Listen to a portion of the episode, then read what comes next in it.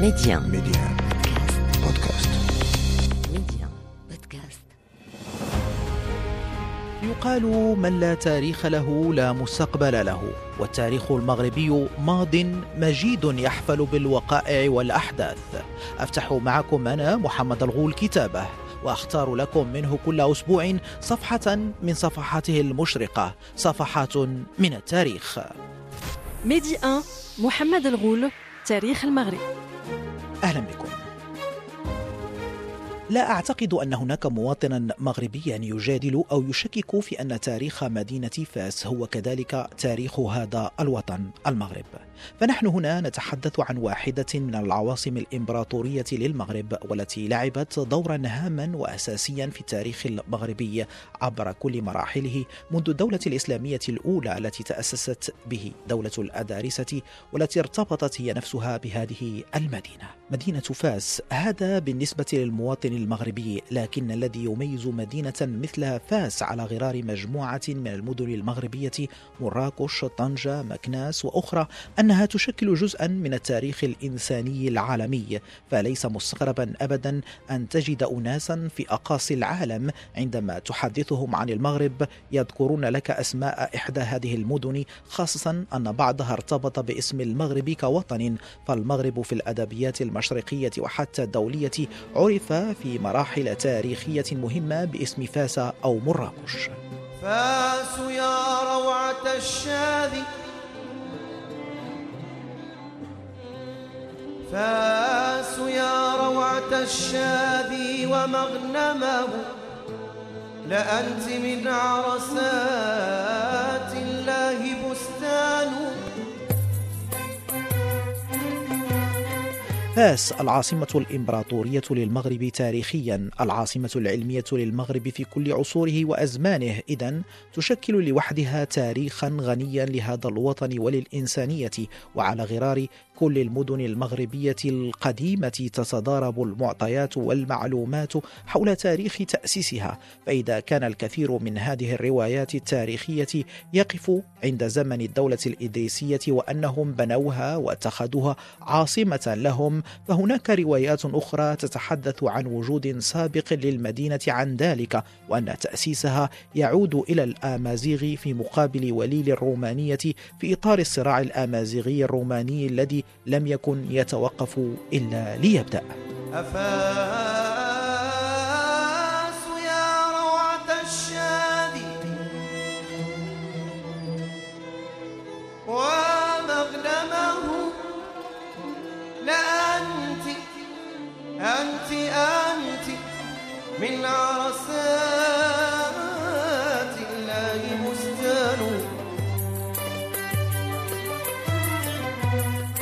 في هذا الإطار نقرأ في ورقة بحثية لنور عبد الفتاح أحمد نشرتها جامعة القاهرة كلية الدراسات الإفريقية شعبة التاريخ الإسلامي بعنوان تأسيس مدينة فاس في ضوء الروايات المصدرية وآراء المستشرقين.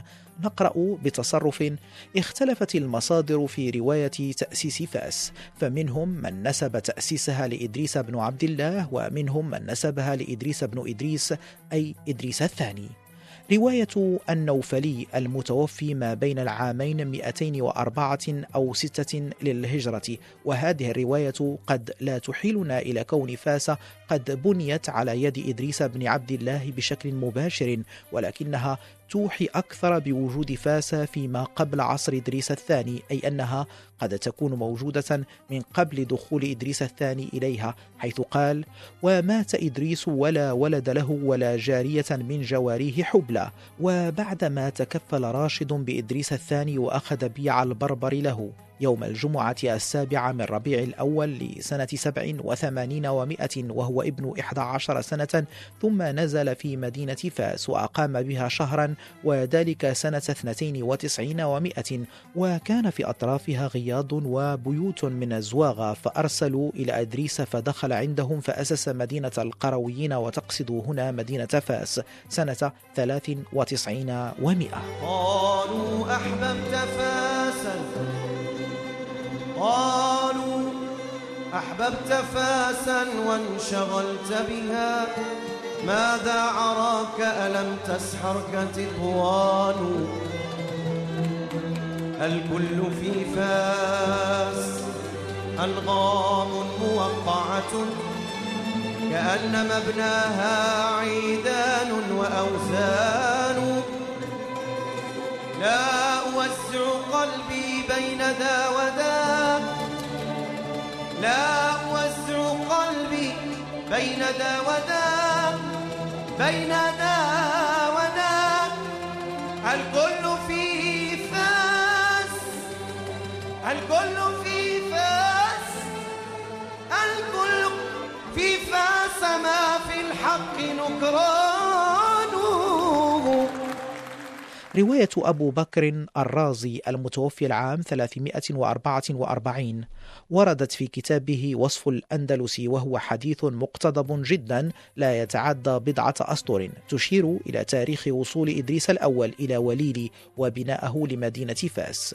وهي الرواية التي نقلها لنا ابن الأبار حيث نجده قال وذكر أبو بكر الرازي أن إدريس بن عبد الله دخل المغرب سنة 72 في شهر رمضان هاربا بنفسه من أبي جعفر فنزل موضعا يسمى وليلي بوادي الزيتون فاجتمعت إليه القبائل من البربر فقدموه وبنوا مدينة فاس. وكانت أجمة شعراء فلما احتفرت أساساتها ألقي في بعضها فأس فسميت بمدينة فاس. وسكنها البربر فلم تطل أيامه وهلك سنة أربع وسبعين ومائة وترك جارية حاملا منه فولدت بعده ابنا سمي إدريس بن إدريس. روايتي ابن أبي زرع المتوفي العام 726 ورواية علي الجزنائي المتوفي بعد سنة 766 للهجرة. نجد أن رواية ابن أبي زرع هي النسخة الأصلية المفصلة والتي نقل عنها الجزنائي في مؤلفه جني زهرة الآس حيث أرجع فيها المؤرخان التأسيس إلى إدريس بن إدريس فتفيد روايته في مؤلف القرطاس بأنه بعد استقامة الملك وزيادة الجيد ضاقت الأرض به وبأتباعه فعزم على بناء مدينة جديدة واختار عدة مواضيع إلا أنه كان يعدل عن قراره في الموضع لسبب ما قد يحدث ضررا كسيل أو غيره. وفي العام 191 أرسل وزيره عمير بن مصعب للبحث عن بقعة لبناء المدينة فعثر على مبتغاه حيث قال ابن أبي زرع فاخترق تلك النواحي وجال في الأرض حتى وصل إلى فحص سايس فوجد فسحة من الأرض واعتدالها وكثرة المياه فأعجبه ما رآه. وفي رواية الجزنائي فرجع عمير إلى الإمام إدريس بن إدريس رضي الله عنه وأعلمه بما رأى من ذلك. فأعجب الإمام إدريس وسأل عن ملاك الأرض فقيل له قوم من زواغ يعرفون ببني الخير. فقال الإمام إدريس هذا فأل خير. فبعث إليهم واشترى منهم موضع المدينة بستة آلاف درهم. هذه إذا بعض الروايات التاريخية المصدرية المتوفرة حول تأسيس مدينة فاس العريقة ولكن بطبيعة الحال هناك روايات معاصرة من أبرزها رواية أو تحليل الفرنسي إيفاريست ليفي بروفنسال والذي قام على تحليل النصوص التاريخية ولكن كذلك على دلائل مادية أبرزها قطعتين من عملة الدرهم.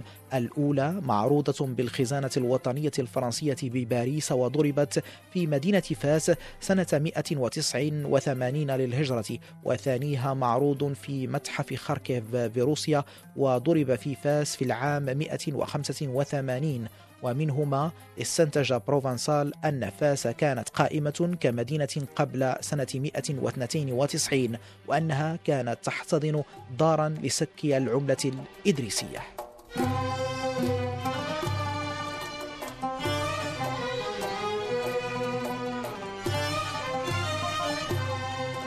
في مجلة قرطاس الدراسات الفكرية والحضارية وفي ورقة بحثية للدكتور بوزيان عبد الرحمن نقرأ بتصرف كذلك تعد مدينة فاس من أقدم مدن المغرب الأقصى وهي في الأصل مدينتان مسورتان متفرقتان بينهما نهر كبير. عدوة الأندلس وعدوة القرويين كلاهما أصبح يطلق عليهما فاس البالي وذلك للتفرقة مع المدينة الجديدة التي بناها المرينيون والتي سميت باسم فاس الجديد. وتذكر الرواية الأولى أن إدريس الثاني الذي يقال أنه أراد بناء حاضرة متميزة عن وليل الحاضرة الرومانية السابقة التي اعتمدها والده إدريس الأول كعاصمة لملكه فذهب يبحث عن مكان فأعجبه وعثر فيه على فأس من الذهب. فأطلق لفظ فاس على المدينة وهو الاتجاه الذي ذهب إليه الحسن الوزان حيث يذكر أنه حين الشروع في حفر الأرض لبناء المدينة لإرساء أساساتها عثر على كمية من الذهب تحمل بالعربية اسم فأس. وفي رواية أخرى أن المنطقة التي شرع فيها بالبناء كانت تحمل اسم ساف ومعناها بالأمازيغية النهر فقلب اللفظ إلى فاس. بينما الجزنائي يذكر أن إدريس لما شرع في حفر أساساتها كان يحفر بفأس ولكثرة ترديد كلمة فأس تم إطلاق اسم فاس على المدينة لكن دون همزة وفي رواية أخرى لما شرع في حفر الأساسات صنع لإدريس فأس من ذهب وفي رواية أخرى كذلك أنه أثناء الشروع في حفر الأساس سأل إدريس راهبا كان مستقرا بها عن تسمية المكان. فأجابه بأنه كانت هناك مدينة قديمة من بناء الأوائل فخربت قبل الإسلام بألف عام وكان اسمها ساف فأسماها إدريس بنفس الاسم مع قلب حروفه إلى فاس غير أن الرأي الراجح والذي أخذ به المؤرخون هو قلب كلمة ساف الآمازيغية إلى فاس العربية وذلك تكريما من إدريس للآمازيغ الذين رحبوا به واستقبلوه جيدا.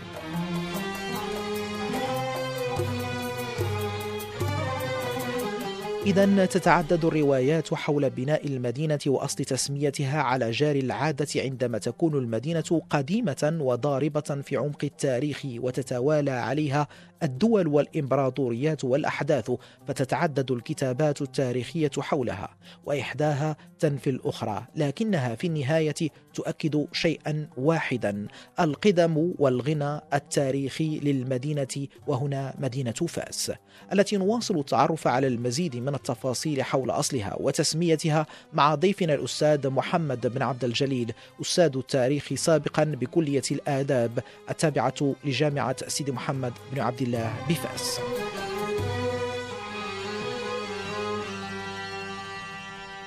أستاذ محمد بن عبد الجليل مرحبا بك على أمواج إذاعة ميديا. نعم مرحبا. تحية طيبة أستاذ محمد. موضوعنا في عدد جديد من تاريخ المغرب هو تاريخ هذه المدينة العريقة والكبيرة آه، اسما وأثرا في التاريخ المغربي منذ القدم. تاريخ مدينة فاس هذه المدينة التي كانت عاصمة إمبراطورية للمغرب لفترات طويلة وهي حتى الآن عاصمة للمغرب عاصمة علمية وعاصمة آه، تاريخية. آه، تاريخ هذه المدينة هل يمكن فعلا أن نبدأه مع تاريخ تاريخ الدولة الإدريسية وتأسست على يد إدريس بن عبد الله أم أن المدينة كانت أقدم من ذلك؟ فهناك مصادر تاريخية آه، أستاذ محمد تتحدث على أن المدينة رغم أنه فعلا اشتهرت خلال الفترة الإدريسية أو لدى تأسيس الدولة الأدارسة لكنها آه، كانت موجودة قبل ذلك ربما في شكل آه، قرية صغيرة وتطورت بعد ذلك. ما هو تاريخ المحدد الذي تتفق عليه المصادر التاريخية حول تأسيس هذه المدينة مدينة فاس أستاذ محمد؟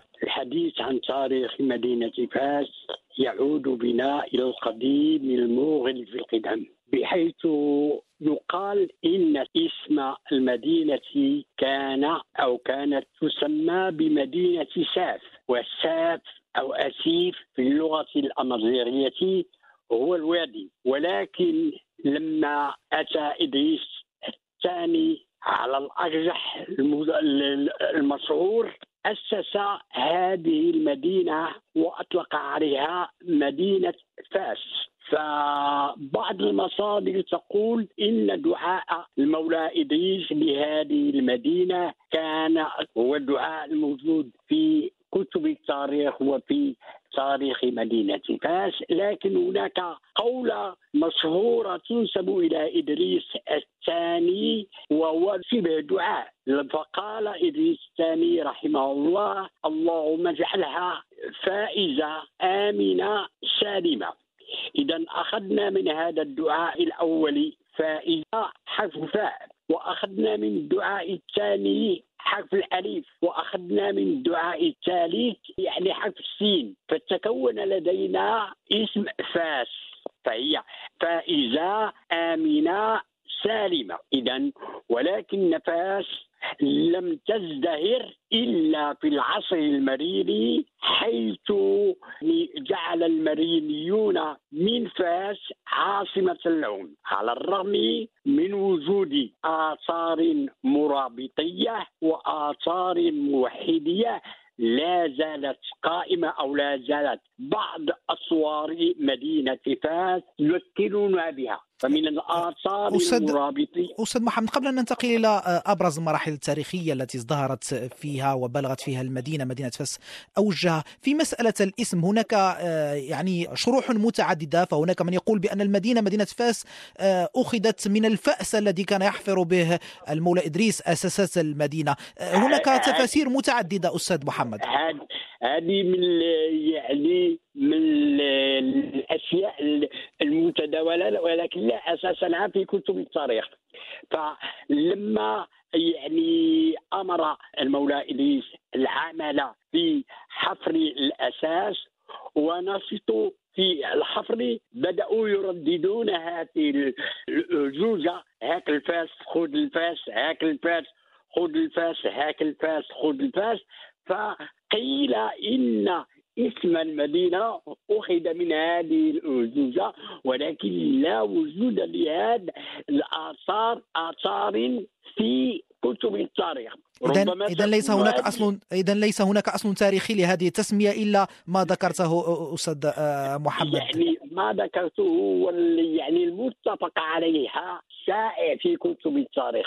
إما أنها كانت ساف فقلبت إلى فاس وإما أن دعاء المولى إدريس من قوله رضي الله عنه فإذا سال آمنة سالمة هو الشائع وعلى بعد أمتار قليلة من ضريح المولى إدريس الذي أسس قبته المولى إسماعيل يعني كانت توجد في ساحة النجارين واحد المعلمة. ولكن لما صلحت بالاسف لما صلحت ساحة النجارين أتى الإصلاح على هذه المعلمة لأنهم لم يعرفوا قيمتها التاريخية.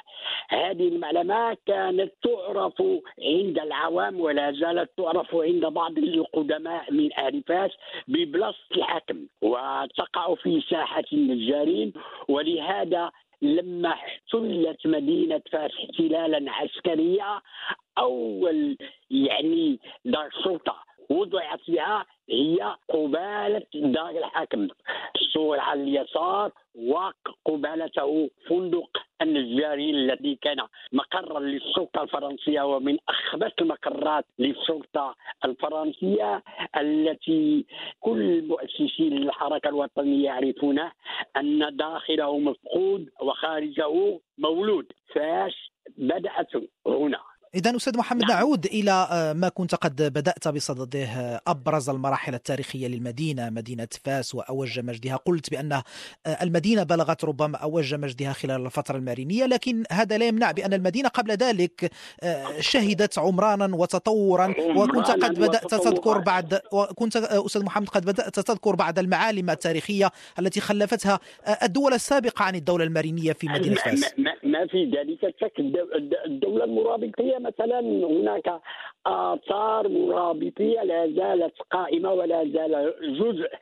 لا أقول كبيرا ولكنه جزء مهم من السور المحيط بمدينة فاس العتيقة سورا مرابطية. هذا السور يمتد من وادي الزيتون إلى زيتون. بن عطية من هو ابن عطية؟ هل هو آه، يعني صاحب التفسير؟ هل هو آه، يعني آه، عالم من علماء مدينة فاس الذين آه، عجت بهم هذه المدينة؟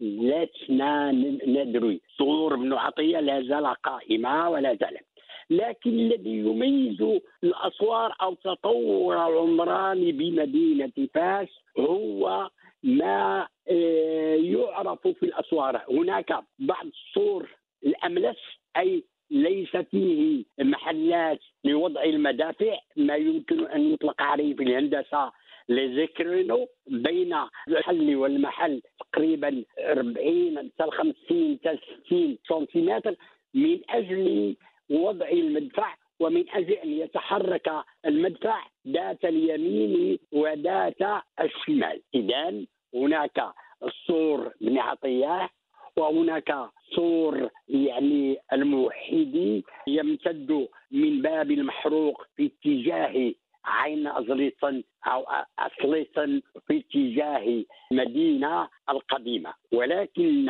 أوج المدينة فاس وازدهار مدينة فاس عرف إبان العصر المديني. لماذا؟ لأن يعني أهل فاس لم يبايعوا تماما سلاطين الدولة المدينية لأنهم جعلوا ضمن يعني وزرائهم واحد من أهل الذمة. أهل فاس آه، كرهوا. وقبيل نفس الفترة ظهر هناك عبد أسود هو الذي يعرف في تاريخ المدينة فاس باسم علو أو علون ولا زال البئر في أسفل يعني مدارج صاعدة إلى إحدى الخلوات من خلوات مدينة فاس تعرف به. وفي هذا المكان يعني تغلب استطاع جنود المولى ابليس أن يلقوا عليه القبض ونفذ فيه حكم الشرع يعني عين علو لا زالت قائمة إلى الآن. وفي اتجاه المدينة لم تعرف بناء كبيرا إلا سنة 245 هجرية الموافق لسنة 888 ميلادية. والغريب أن امرأتين قيروانيتين يعني وفدتا من القيروان واستقرتا بمدينة فاس وكان لأبيهما ثروة عظمى فتوفي الأب ولم يترك عاصبا فورثت البنتين مالا كبيرا فأرادت كل منهما أن تجعل جزءا من ثروتهما إلى يعني لصالح المدينة، فالأولى فاطمة الفهريه سيدة القرويين وأختها سيدة الأندلس. ومنذ تلك الفترة الصراع على القيادة أو الصراع التسابق نحو الازدهار ونحو البناء قائم ولكن أهل فاس يعني على حسب ما يروى في على ألسنة من أمثال عامية فيقولوا الله يغدي عليك رضى عليك حبوس مسهرة القرويين قبل المندلوس لماذا؟ لأن القرويين رغم أنها مسجد للعبادة إلا أنها دار علم ودار ثقافة ومدرسة كبيرة وظلت كذلك القرويين دار علم ودار ثقافة ومدرسة كبيرة إلى سنوات الندى. ولولا وجود القرويين في تاريخ المغرب الحديث لما استطاعت كل من أبناء القرويين أن يحاربوا الاستعمار. فيعني كل الذين حاربوا. الاستعمار تخرجوا أو تسلمدوا على بعض المشايخ. شعيب الدكالي من أمثال محمد بن العربي العلوي. فلقد تسلمد عليه المرحوم على الفاسي المرحوم الهاشمي الفلالي المرحوم عبد العزيز بن دريس شهيد تحنوت وغير هؤلاء من العلماء لشيء الكثير وهؤلاء العلماء علال وإدريس والهاشمي الفلالي هم الذين أسسوا الفوز الأول أو الحركة الأولى للطلبة الذين أصبحوا يقودون المظاهرات ويدافعون عن لاستقلال المغرب أستاذ محمد شكرا جزيلا لك على كل هذه المعطيات القيمة التي أوردتها وشطرتنا إياها بخصوص تاريخ هذه المدينة العريقة آه، في آه، تاريخ المغرب عموما آه، مدينة فاس. نعم مرحبا. متابعينا أذكركم أنه يمكنكم الاستماع وإعادة الاستماع لكل الأعداد السابقة من تاريخ المغرب حصريا عبر تحميل تطبيق ميدي أن بودكاست. إلى اللقاء. ميدي 1 محمد الغول تاريخ المغرب.